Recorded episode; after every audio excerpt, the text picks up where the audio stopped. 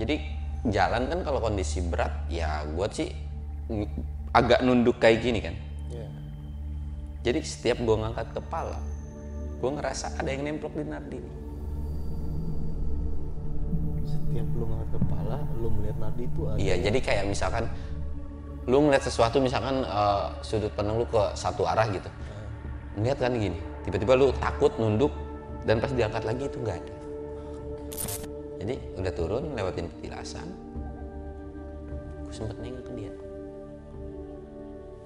Si sosok yang ini loncat, tapi intinya pergi dari pundaknya, jalan ke samping.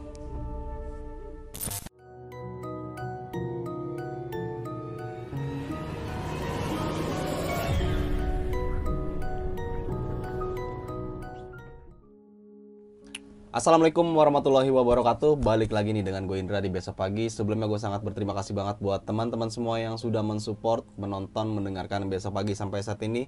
Semoga teman-teman semua yang menonton dan mendengarkan video ini Selalu diberikan kesehatan oleh Tuhan Yang Maha Esa. Di kesempatan kali ini yang pastinya gue masih mendatangkan narasumber. Dan narasumber gue kali ini mungkin udah nggak asing nih. Bagi teman-teman semua yang sering banget nih mendengarkan cerita-cerita horor pendakian Dan narasumber gue ini mempunyai julukan si Mr. Horror Nah, kalian mungkin udah gak asing ya sama narasumber gue kali ini. Oke, kita langsung aja nih siapa narasumber gue kali ini. Halo Bang Samsul, Halo, sehat ya Bang ya? Alhamdulillah. Nah, Bang Samsul Mr. Horror nih, gokil sih dia datang kembali lagi yang pasti ingin menceritakan pengalaman pendakian horor ya Bang ya? Iya, Asik, sehat Bang? kurang sehat. Wah, kemarin baru turun Asepan ya. Iya, baru Gue turun. ngeliatin story lu di Asepan ini, nyata lu mempunyai tragedi-tragedi khususnya waktu lu jalan balik nih. Iya. Hampir dibegal, bener tuh Bang? Iya, dia cungin cerulit begini anjir. Ayo kacau banget itu kalau beneran sih. Aduh, nyawa gue hilang tuh. Ya enggak sih, ya kayak pipti-pipti berantem dulu aja gitu. Gokil, tapi lu alhamdulillahnya lu selamat lah ya Bang. Iya, gue tuh sampai bikin reposan ke Kapolsek Balaraja buat ya biar enggak orang lain tuh enggak Oke, gini. mengantisipasi biar nggak ada kejadian yang lu alamin lah kayak gitu lah ya. Nah. kurang lebihnya. Nah, Bang, mungkin lu nggak bakal menceritakan kejadian lu di Asepan karena di cerita lu Asepan ini lu sempat mengalami kejadian yang horor juga ya. Nah. Dan cerita horor lu itu lu udah ditayangkan di channel lu nih ya. Iya, iya. Nah, bagi teman-teman semua yang penasaran sama channel Bang Samsul nih, channel Bang Samsul itu adalah Samsul Mr. Horror. Nah, di situ nanti bakal ceritain eh, pengalaman kejadian horor ya di luar nalar Bang Samsul waktu di Gunung Asepan yang kedua kali, Bang ya. Iya. Yang kedua kalinya. Dan kali ini lu ingin menceritakan pengalaman pendakian lu atau menceritakan di channel besok pagi tentang pengalaman lu di gunung mana nih, Bang? Ketika gue kenal sama tim lu lah, Bah, siapa nih? Bang Nardi. Oke, Nardi. Di mana tuh? Gunung Salak 2. Gunung Salak 2. Iya.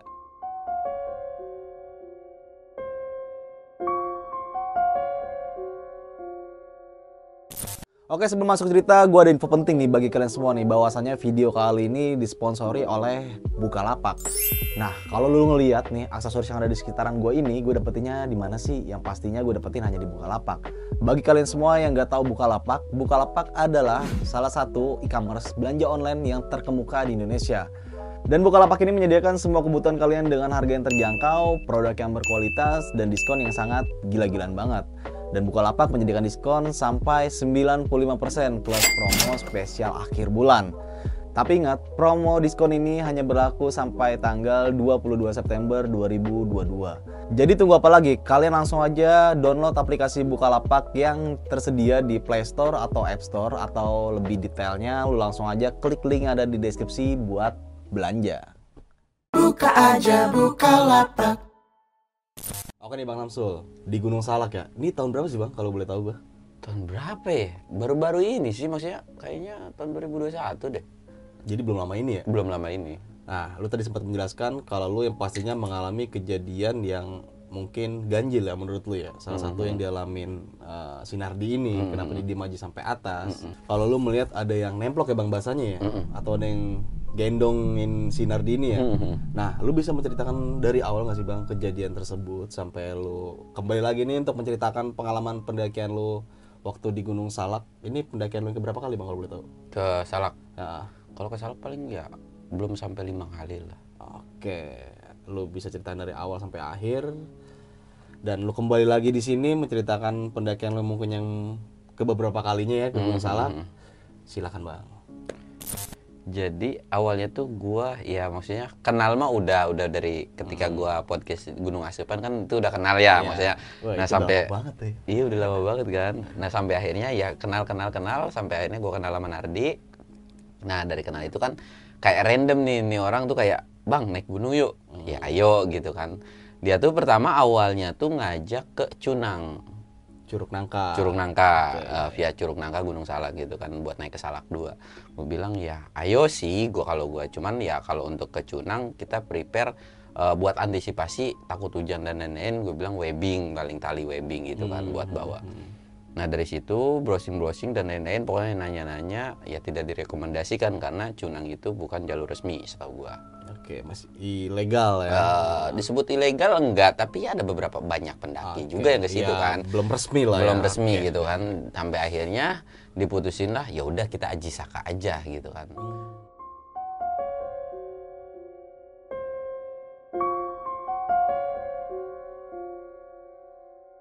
nah akhirnya di situ diputusin gue tuh nggak ada planning eh, banyakan orang jadi gue cuma sama Nardi doang nih Walaupun sebenarnya di awal tuh ada beberapa yang mau ikut kata dia, Eh, kata gue ya ayo ayo aja nggak apa-apa gitu kan.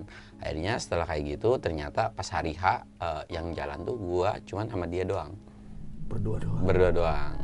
Ya pada saat itu tuh gue naik dengan kondisi gunung gede lagi tutup Makanya lu ke ke Salak. Oke. Eh, dengan pem- pemikiran gue tuh oh Salak pasti rame Mhm. harusnya gitu kan akhirnya gue berangkat lah diputusin berangkat gitu. Dan naik itu weekend sih weekend.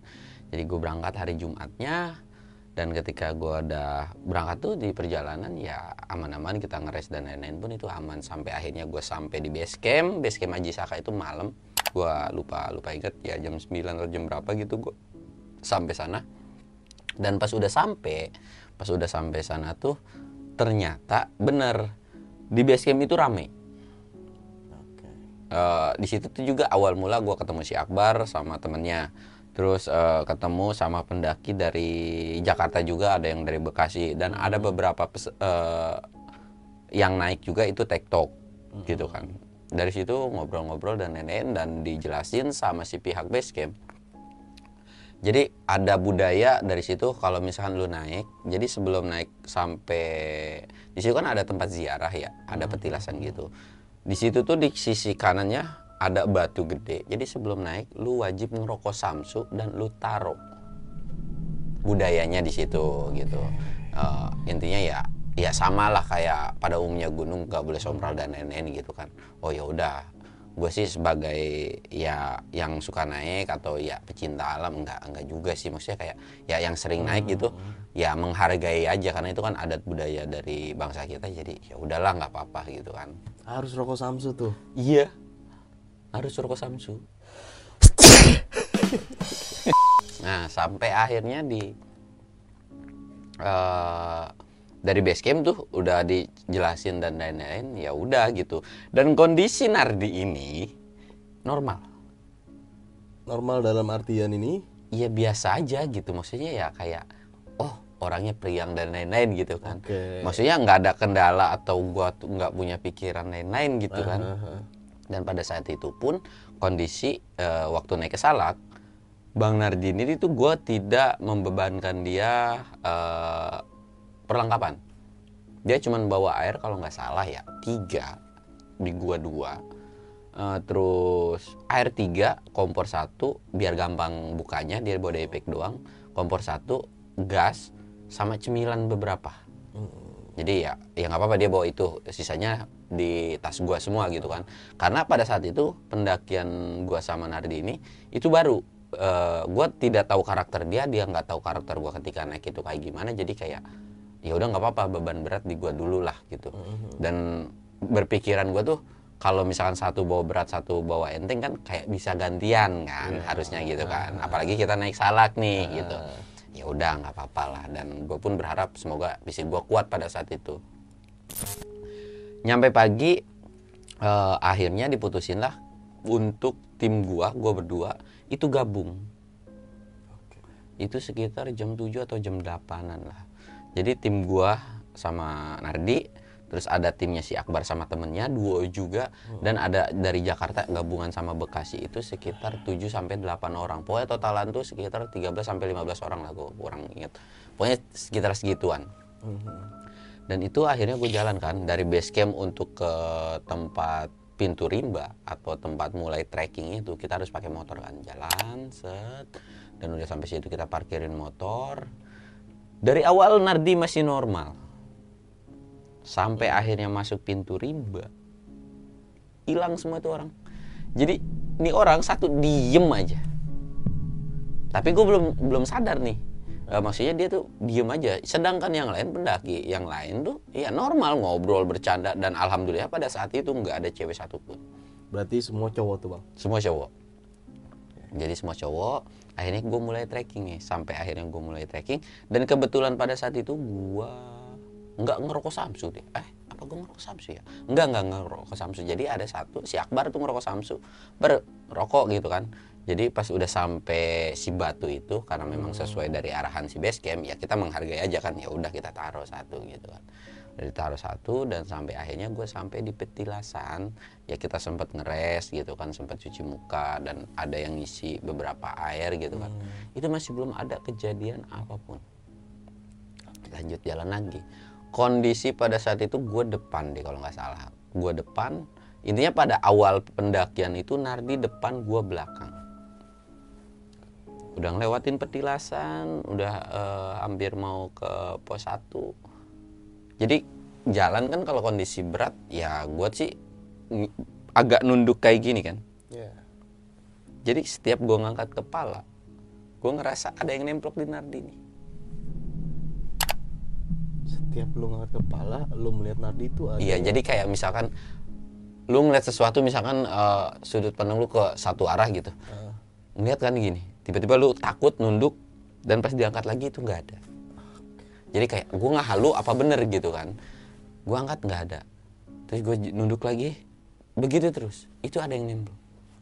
Dari situ kan gue juga nggak bilang dan pada saat itu beberapa pendaki itu memang eh, normal maksudnya dalam arti ya kita bercanda kita ketawa hai dan lain-lain gitu kan ah normal kok tapi udah mulai memasuki pintu rimba itu dia diem dia diem aja dia diem sampai akhirnya jalan pos 1 pos 2 dan ketika itu gua ngeres.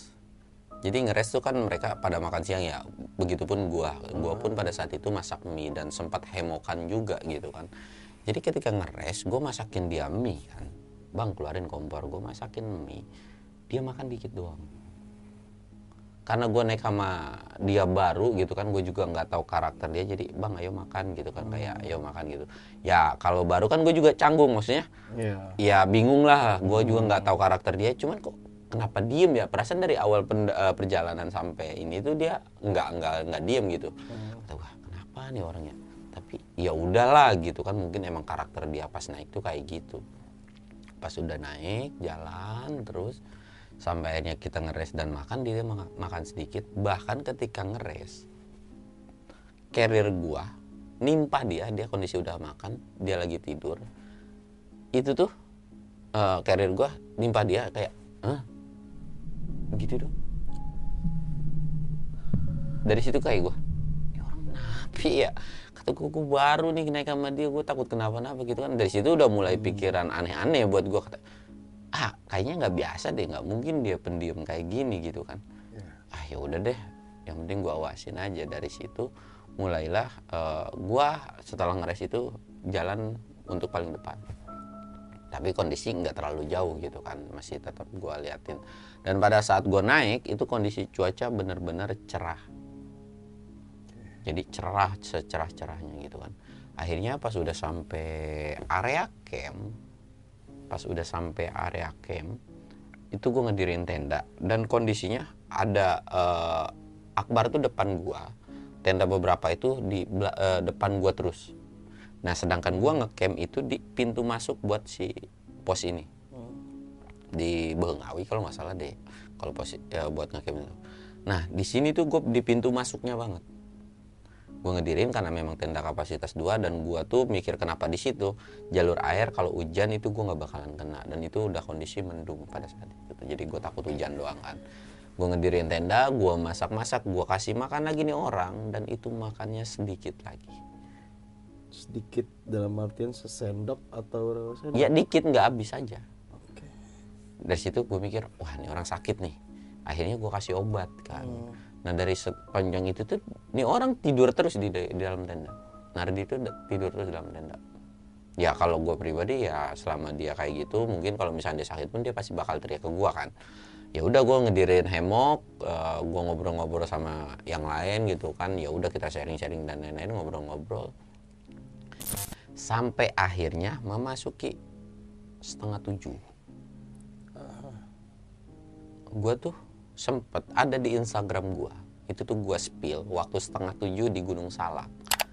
Itu terang kayak jam 4 jam 5 Setengah tujuh malam ya.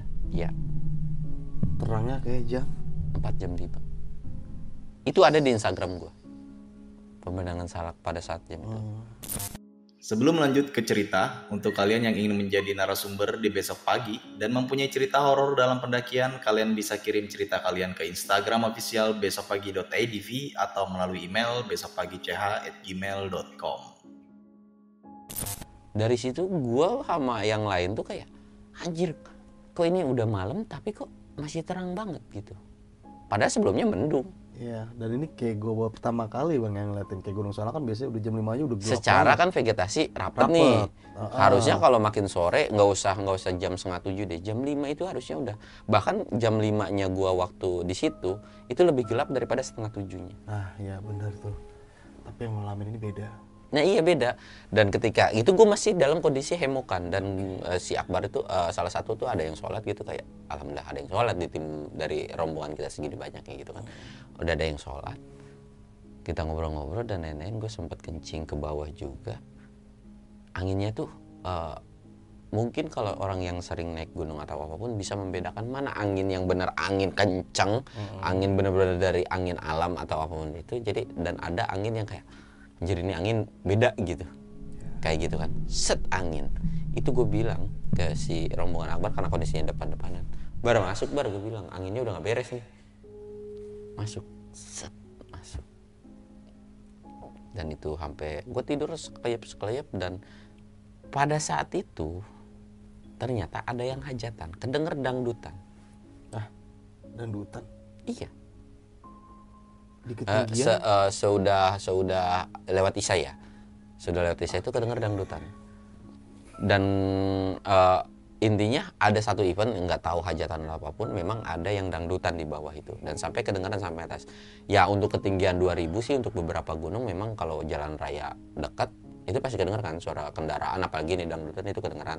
Bagi gue wajar bang pada saat itu. Hmm. makin lama makin malam kok dari dangdutan ini kayak ngedenger suara kesenian dari kayak gamelan kayak gitulah. Gue mikir oh mungkin yang dari bawah. Gue masih masih masih kayak ah dari bawah gitu kan. Sampai akhirnya gue kebelat kencing. Itu gue keluar. Jadi kondisi tenda gue kan ngadep ke arah mau trekking summit lah. Ya, Nah di belakang ini jalur trek pendakian gue. Gue belakang set, gue kencing agak nggak jauh dari tenda, gue kencing. Normal nggak ada apa-apa. Ketika gue ngebalik badan, dari deket tenda gue itu ada yang berdiri. Gue dari situ itu apa anjir ya? Dan itu kondisinya kayak mata dan kondisi gue pakai headlamp kan. Itu apa ya? Anjir itu nggak normal nih. Gue langsung nunduk, gue jalan pelan-pelan ke tenda, gue langsung masuk. Set. Dan dari situ gue nggak berani keluar. Sempet kayak ada saut-sautan sama tenda depan gue itu kayak ngobrol dan lain-lain. Tidur tidur tidur tidur gitu. Dan tetap gue nggak bisa tidur. Akhirnya bisa sepersekian sejam atau dua jam kali ya gue tidur. Tapi ketika gue tidur gue nggak dengar kuping gue dari belakang tenda gue karena kondisinya itu gue hampir mau masuki jalur itu ada yang lewat. Tapi gue nggak ngeruin maksud gue oh mungkin mendaki dari awal tapi makin sini kok ada yang lewat lagi kok ada yang lewat lagi. Dan terus tuh. dan terus. Dari situ gue udah berpikiran wah nggak normal nih. Dan akhirnya gue bisa tidur dan kebangunlah jam 12 apa jam 1 malam. Hmm. dan ketika gue ngeliat jam anjir ini lama. Dan gue tuh bukan cuman gue doang ya. Semua pendaki itu ngalamin kejadian yang sama. Waktu malam itu benar-benar lama semua dan yang paling parah jam 1 jam 2 ngedenger petasan Petasan. orang PA mana punya hajatan jam 1 jam 2 nyalain petasan Jam 1 jam 2 malam nih ya. Iya. Itu benar petasan, bukan gua doang. Semua pendaki di situ ngedenger petasan. Reaksi pertama yang keluar ketika ngeliat mendengar petasan itu gimana? Oh, gue bercandain. Ini orang gila mana yang nyalain petasan? Oh, mungkin hajatan yang tadi dangdutan. Cuman kan balik lagi kalau ke logikanya, siapa anjir di kampung nyalain petasan jam 12 malam? Kalau subuh gue masih percaya. Ah. Udah selesai subuh ada petasan itu gue masih percaya. Ini petasan. Jam 2 malam lagi ya. Iya, jam 2 malam kata gua. Wah, anjir nggak beres. Dan kondisi Nardi pada saat itu masih ya udah nggak bisa diharapin. Gue tuh kayak eh, masih diem. Masih diem, nggak banyak ngobrol dan lain-lain. Gue tuh kayak eh, takutnya nih orang gue takut kesurupan tiba-tiba lari. Karena kan kondisi vegetasi salak itu kan rapet. Dan keduanya kiri eh, kanan tuh kalau nggak salah jurang. Kiri pun hutan belantara dan kalau nyari pun agak sulit gitu. Iya. yang paling gue awasin tuh itu gitu kan. Ya baru naik sama orang baru gitu ya kalau gue sakit pun mungkin dia pun akan ngelakuin hal yang sama gitu. Begitupun gue ya gue bakal ngawasin dia gitu. Ya nggak ada yang tahu juga kan kalau di gunung itu. Dari situ ketika ya udah kita bercandain dan sampai akhirnya udah makan gue masuk lagi. Gue kondisi udah tidur dan ketika gue bangun itu masih kondisi jam 2 sumpah itu lama banget malam. Itu lama banget. Gue pengen buru-buru cepet pagi itu lama. Dan bukan keluhan gue doang itu dari beberapa pendaki itu sama. Ngeluhnya lama. Kok lama ya beberapa orang pun ada yang masih bangun. Dan merasakan hal yang sama juga. gue sempet teriak-teriak di salah. Woi kok lama ini la- malam? gitu. Ah.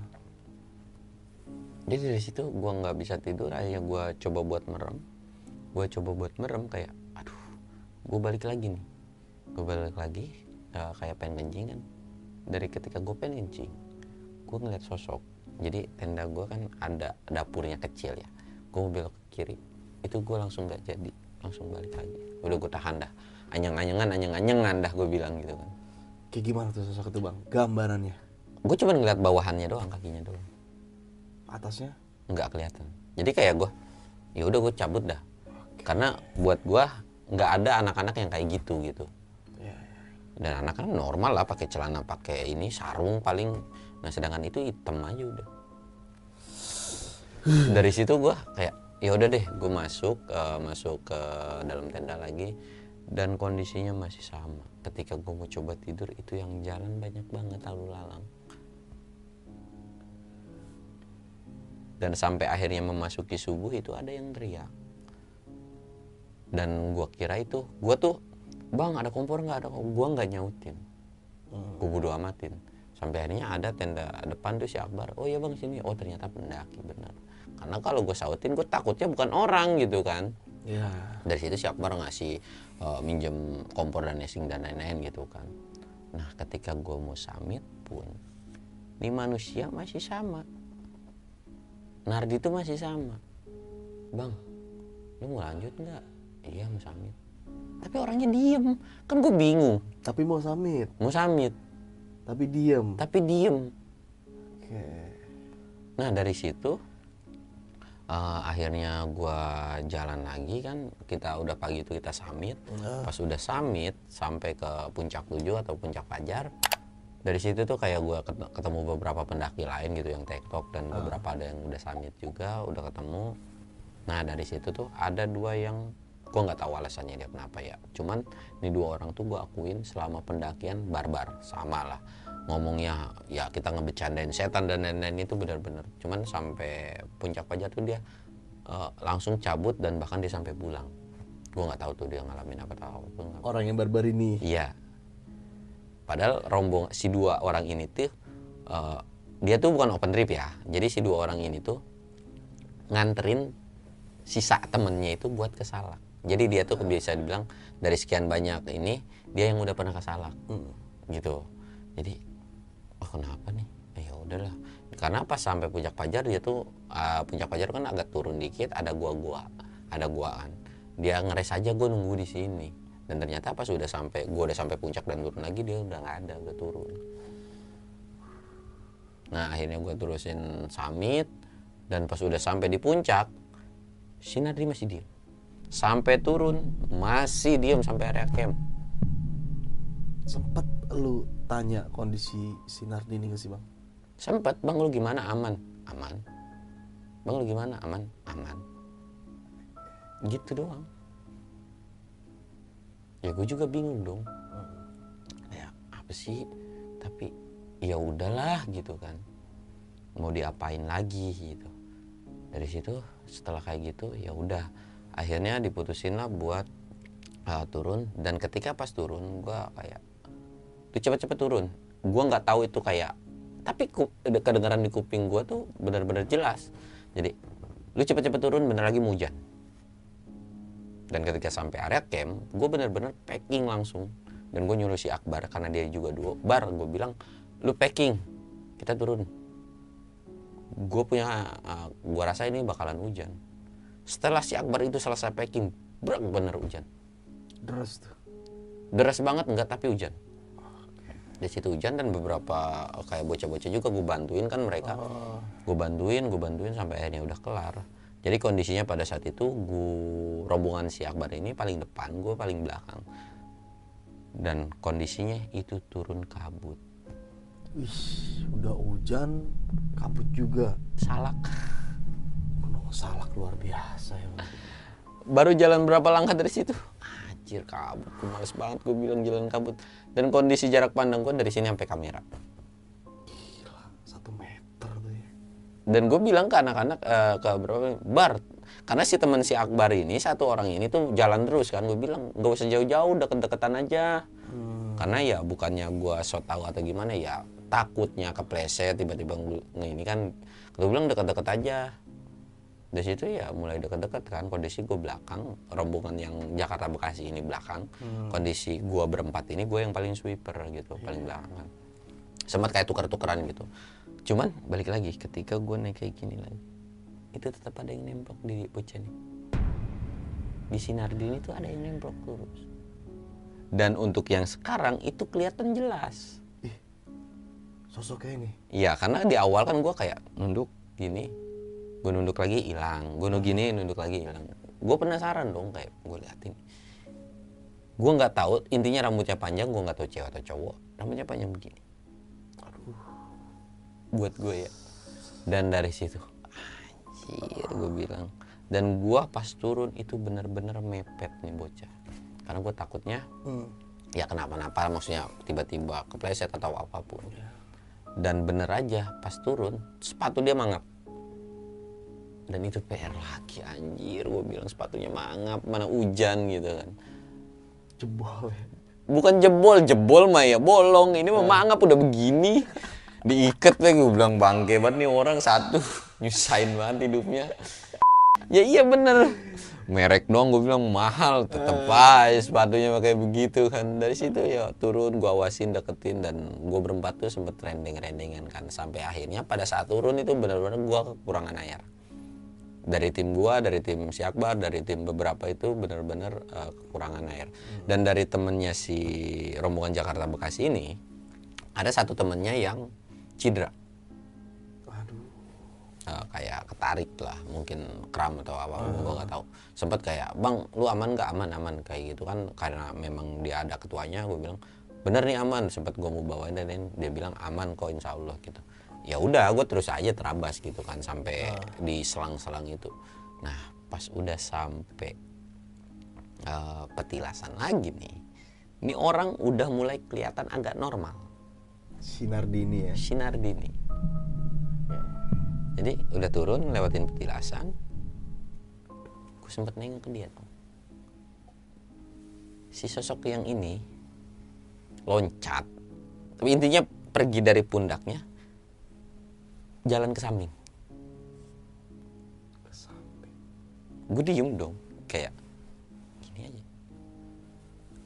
Dari situ gue nanya ke si Akbar Bar lu masih ada rokok nggak? Rokok Samsu?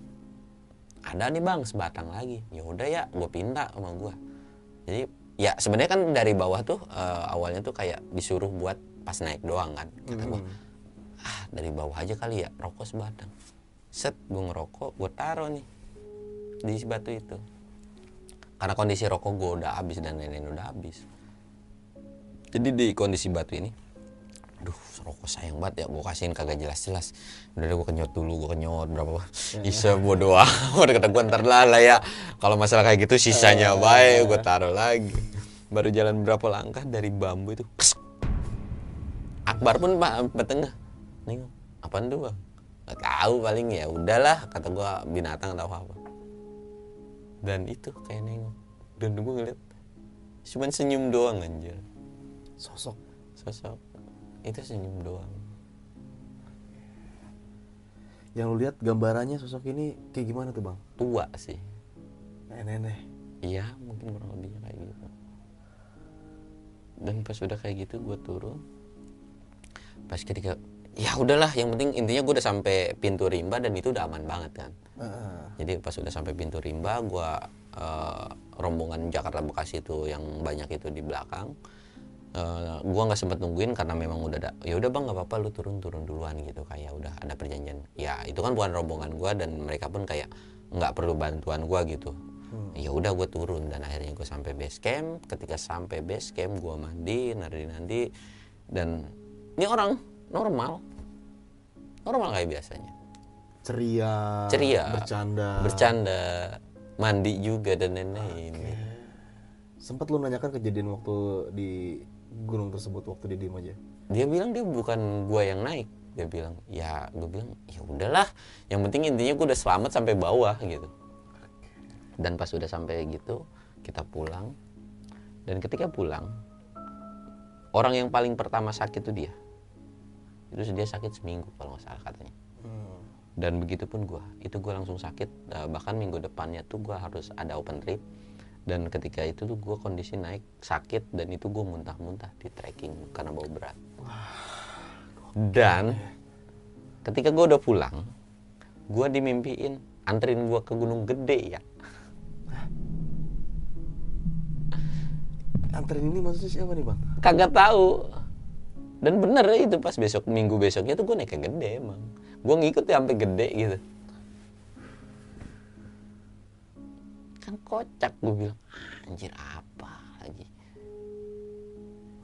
Dari situ kan sempet gue ceritain di ini gue naik gue turun dimimpin lagi anterin gue pulang ya ke Salak dan sampai sekarang detik ini gue nggak ke Salak lagi. Bahkan kemarin gue dibayar sama tiga orang itu buat private trip ke Salak satu gue cancel orangnya udah transfer pool gue balikin lagi kemarin baru tuh ada reportnya baru kemarin gue balikin itu duitnya. Karena apa nih? Nah, satu kondisi cuaca. Ya. kedua yang eh, naik ini mungkin eh, umuran 40 gue nggak berani ambil resiko karena dari cuaca. Dan ketiga udah sebelum gue naik tuh ada wanti-wanti dari keluarga gue Eh, kayak emak gue nih. Kalau naik gunung hati-hati. Awas jangan terlalu dipaksain kalau memang nggak mampu. Apalagi di kondisi hujan. Dari situ dan hati-hati ke sambar petir masalahnya ini udah musim hujan tahunya sambar petir dan jangan naik gunung yang vegetasinya lebat Oke. Emak gua ada chatnya. Gila sampai segitunya. Dan setelah dari situ, karena memang gua naik gunung tuh gue pasti bakalan report ke siapa pun keluarga gua karena gue takut terjadi apa-apa setidaknya orang tua gue tahu nih nih ke gunung mana gitu kan. Nah, itu penting banget sih bang. ya. Itu penting banget gitu kan. Gue report ke beberapa orang dan banyak orang bilang lu cancel, lu cancel, lu cancel. Selain Gunung Salak, lu boleh naik. Oke. Gitu. Dan akhirnya lu ganti ke gunung Asepan. Asepan. Belum lama baru turun minggu kemarin ini bang ya. Iya. Dan dari situ pun gue sampai sekarang belum nginjekin ke Salak satu atau Salak dua lagi. Tapi ada keinginan nanti. Eh, keinginan ada, cuman gue ngeliat kondisi dari cuaca hujan kan, maksudnya terlepas dari takut lo sama setan atau demit, cuaca itu lebih penting banget. Ah iya pasti. Karena ancaman lu kalau setan demit lu diem aja itu aman harusnya. Kalau Cuaca. ancam cuaca sambar petir pohon ketiban pohon lu kelar hidup lu. Benar. Gitu sih. Tapi nanti ada rencana untuk mendaki ke Gunung Salak lagi lah ya. rencana pasti ada sih Bakal nganterin lagi tuh ke Gunung Salak, nganterin balik. ya kagak tahu juga Tapi lu masih dimimpin juga gak sih? beberapa kali kayak ada gitu karena kejadian itu kan bisa dibilang udah setengah tahun kali ya udah setengah tahun lama juga cuman kayak gue tuh disuruh ke sono terus gitu. Cuman kayak gue ngapain sih gue ngikutin setan gitu? Gue ke sono cari duit. Rencana gue tuh kayak kemarin nerima job itu tuh cari duit. Cuman kondisinya pada saat sekarang kan jadi hujan terus kayak ah. Dan emak gue tiba-tiba ngomong kayak gitu ya udah dah gue balikin baik tuh duit orang. Gue gak mau beresiko juga. Oke nih Bang Samsul. Satu kata untuk Gunung Salak menurut lu apa? Candu sih. Candu. iya. Gunung Salak candu ya. terlepas dari vegetasinya lebat terus banyak yang horor-horornya tapi Gunung Salak tuh memang bikin kangen. Kenapa? Karena Gunung Salak itu gunung yang sepi untuk trekking yang nggak ngebosenin nggak ngebosenin gua nggak tahu orang yang suka naik gunung. Bagi gua kayak lu ada nanjaknya lu terus ada manjatnya Iya. terus ada landainya gitu. Dan suara-suara burungnya pun masih banyak banget gitu. Dan suara alamnya tuh benar-benar ada di Salak. Dan Gunung Salak buat gua semua karakter gunung itu di Jawa kayaknya ada deh. Batuannya tanjakannya dan lain-lainnya itu ada. Dan gunung paling ya. capek Di Salak ini berarti semua karakter dari semua gunung itu ada di Salak. menurut gua ya Menurut lu. menurut gua Oke, nih Bang Samsul. uh, thank you banget lu udah mau berbagi cerita pengalaman pendakian lu bersama Nardi nih di Gunung Salak ya. Semoga teman-teman semua yang mendengarkan video ini dan cerita dari Bang Samsul waktu Gunung Salak bisa mengambil sisi positifnya dan bisa menjadikan pelajaran bagi kita semua. Tapi sebelum kita uh, membahas lebih detail pengalaman Bang Samsul nih waktu di Gunung Salak, nanti kita bakal bahas secara singkatnya di sesi tanya jawab.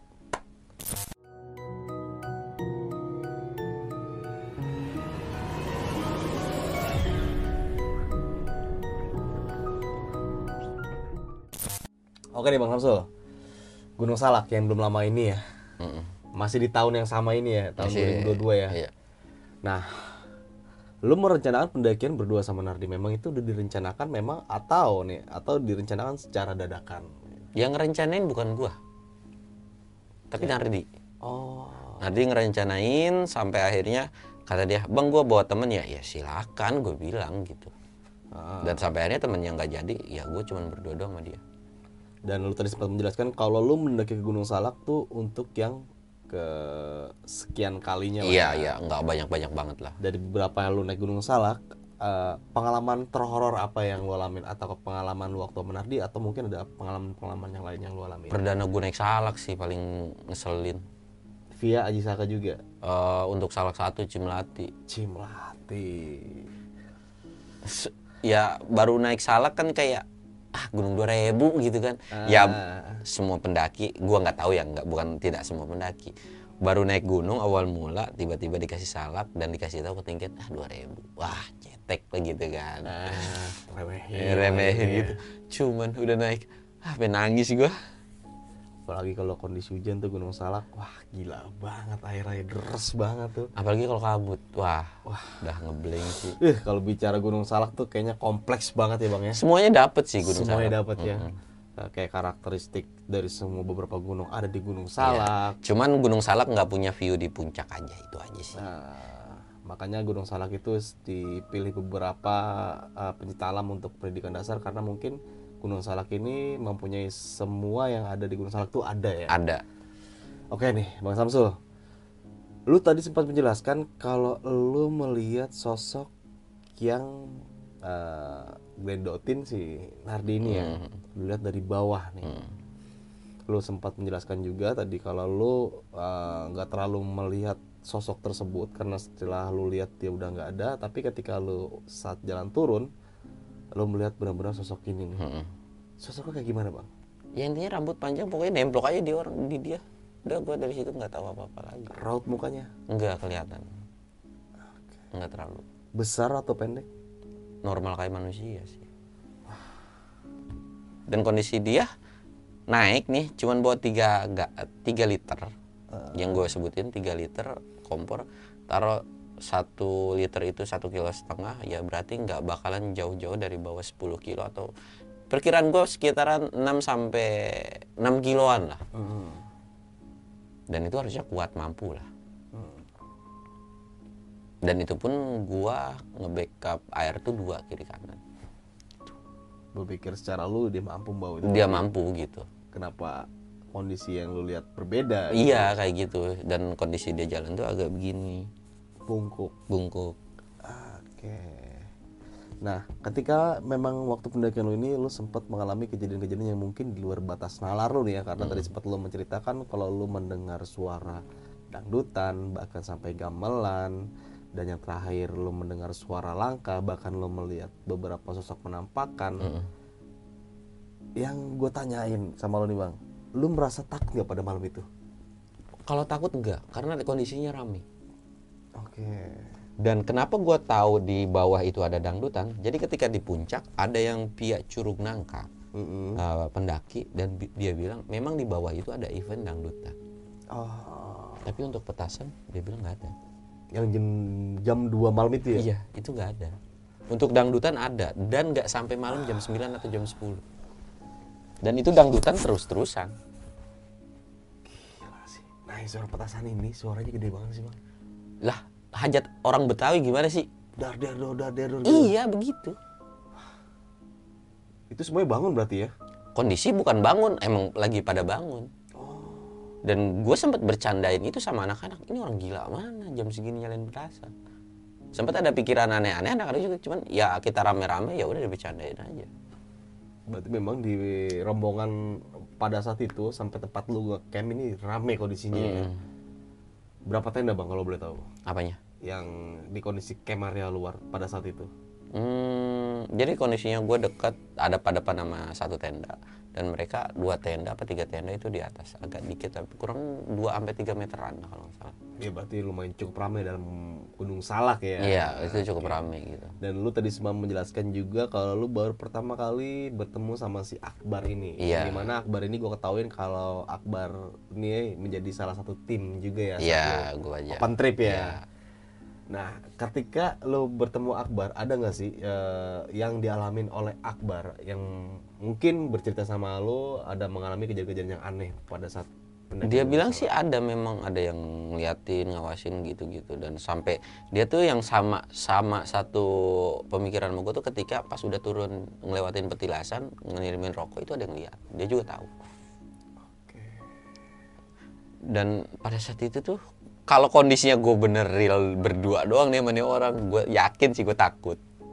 Yakin pasti ya. Pasti karena kondisi rame aja. Jadi lo ya ya ya udahlah gue teriak tinggal minta Ya. tolong gitu kan cuman yang paling gue takutin tuh takut dia kesurupan dia lari doang itu aja sih kalau untuk dia takut gimana gimana ya insya Allah safety lah gitu kan ada obat-obatan dan lain-lain gitu kan karena ini adalah salah satu pendakian yang baru pertama kali lo naik mendaki sama si orang baru orang baru Heeh. yang lo nggak tahu karakternya. hmm, Tapi pada intinya lo balik lagi kembali ke rumah ya. hmm. dalam keadaan yang selamat nih bang. Iya. Walaupun ada beberapa sakit Wah iya sorry sorry sorry.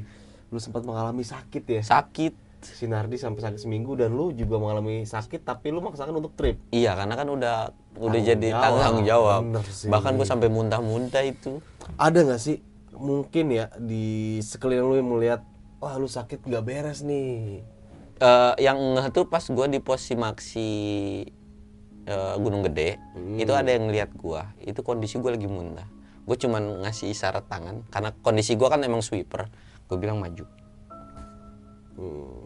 gue bilang maju aja gak usah nungguin gue dan itu gue naik jam 7 nyampe ke Surken jam 7 lagi. Gila 12 jam. Bangun candi lu di jalan. makanya dari situ gue bilang aduh itu bener-bener parah banget sih buat gue ya karena ya ya lagi-lagi kalau lu mau naik gunung jangan kondisi sakit dah nyusahin diri lu sendiri. Kalau lu bisa mempertimbangkan ya kayak lu nggak maksa dan lain-lain ya oke gitu. Tapi kayak gue kan ya tanggung jawab mau nggak mau gue pasti sampai sih. Kayak gue tuh kalau bukan buat trip anjir gue pengen turun dah gitu ya karena udah tanggung jawab lu ya iya mau nggak mau ya bang. mau ya? nggak mau Oke nih Bang Samsul, sekali lagi thank you banget lu udah berbagi cerita pengalaman pendakian lu. Mungkin tadi sudah dijelaskan secara detail pengalaman pendakian Bang Samsul waktu di Gunung Salak bersama Nardi nih, yang di mana Bang Samsul melihat kondisi Nardi yang aneh sampai pada akhirnya mengalami kejadian-kejadian yang luar batas nalarnya. Tapi sebelum mengakhiri cerita nih Bang nih ya, lu punya pesan-pesan gak sih Bang buat teman-teman semua yang menonton cerita lu kali ini, terkhususnya waktu pendakian lu di Gunung Salak? Ya intinya jangan pernah memaksakan kalau memang hati lu kayak orang bang gue mau naik kayak gini. Ya kalau lu mau naik mah silahkan kalau emang lu udah yakin naik. Kalau nggak yakin gak usah naik gitu. Gak usah ngeribetin diri lu sendiri. Dan kalau misalkan lu punya tujuan bang gue nggak ada teman buat naik ya lu mau naik ya buat diri lu sendiri bukan harus ada teman dan lain-lain. Apalagi kalau misalnya lu ikut open trip kan itu udah pasti lu dapat teman baru gitu kan. Jadi lu nggak usah pernah takut buat nggak eh, nggak ada temennya. Nanti juga lu bakalan kenal. Dan lagi jangan pernah memaksakan ketika lu naik itu dalam kondisi sakit benar-benar nyiksa sih Oke cukup sekian, semoga teman-teman semua bisa mengambil sisi positifnya dalam video kali ini dan bisa menjadikan pelajaran bagi kita semua. Dan gua mengingatkan kembali, kalian langsung aja nih belanja di Bukalapak karena hanya Bukalapak yang menyediakan diskon sampai 95% plus promo spesial akhir bulan. Tapi ingat, promo diskon ini hanya berlaku sampai tanggal 22 September 2022. Dari gua Indra, kurang lebih mohon maaf. Saksikan video-video berikutnya dari besok pagi. Wassalamualaikum warahmatullahi wabarakatuh.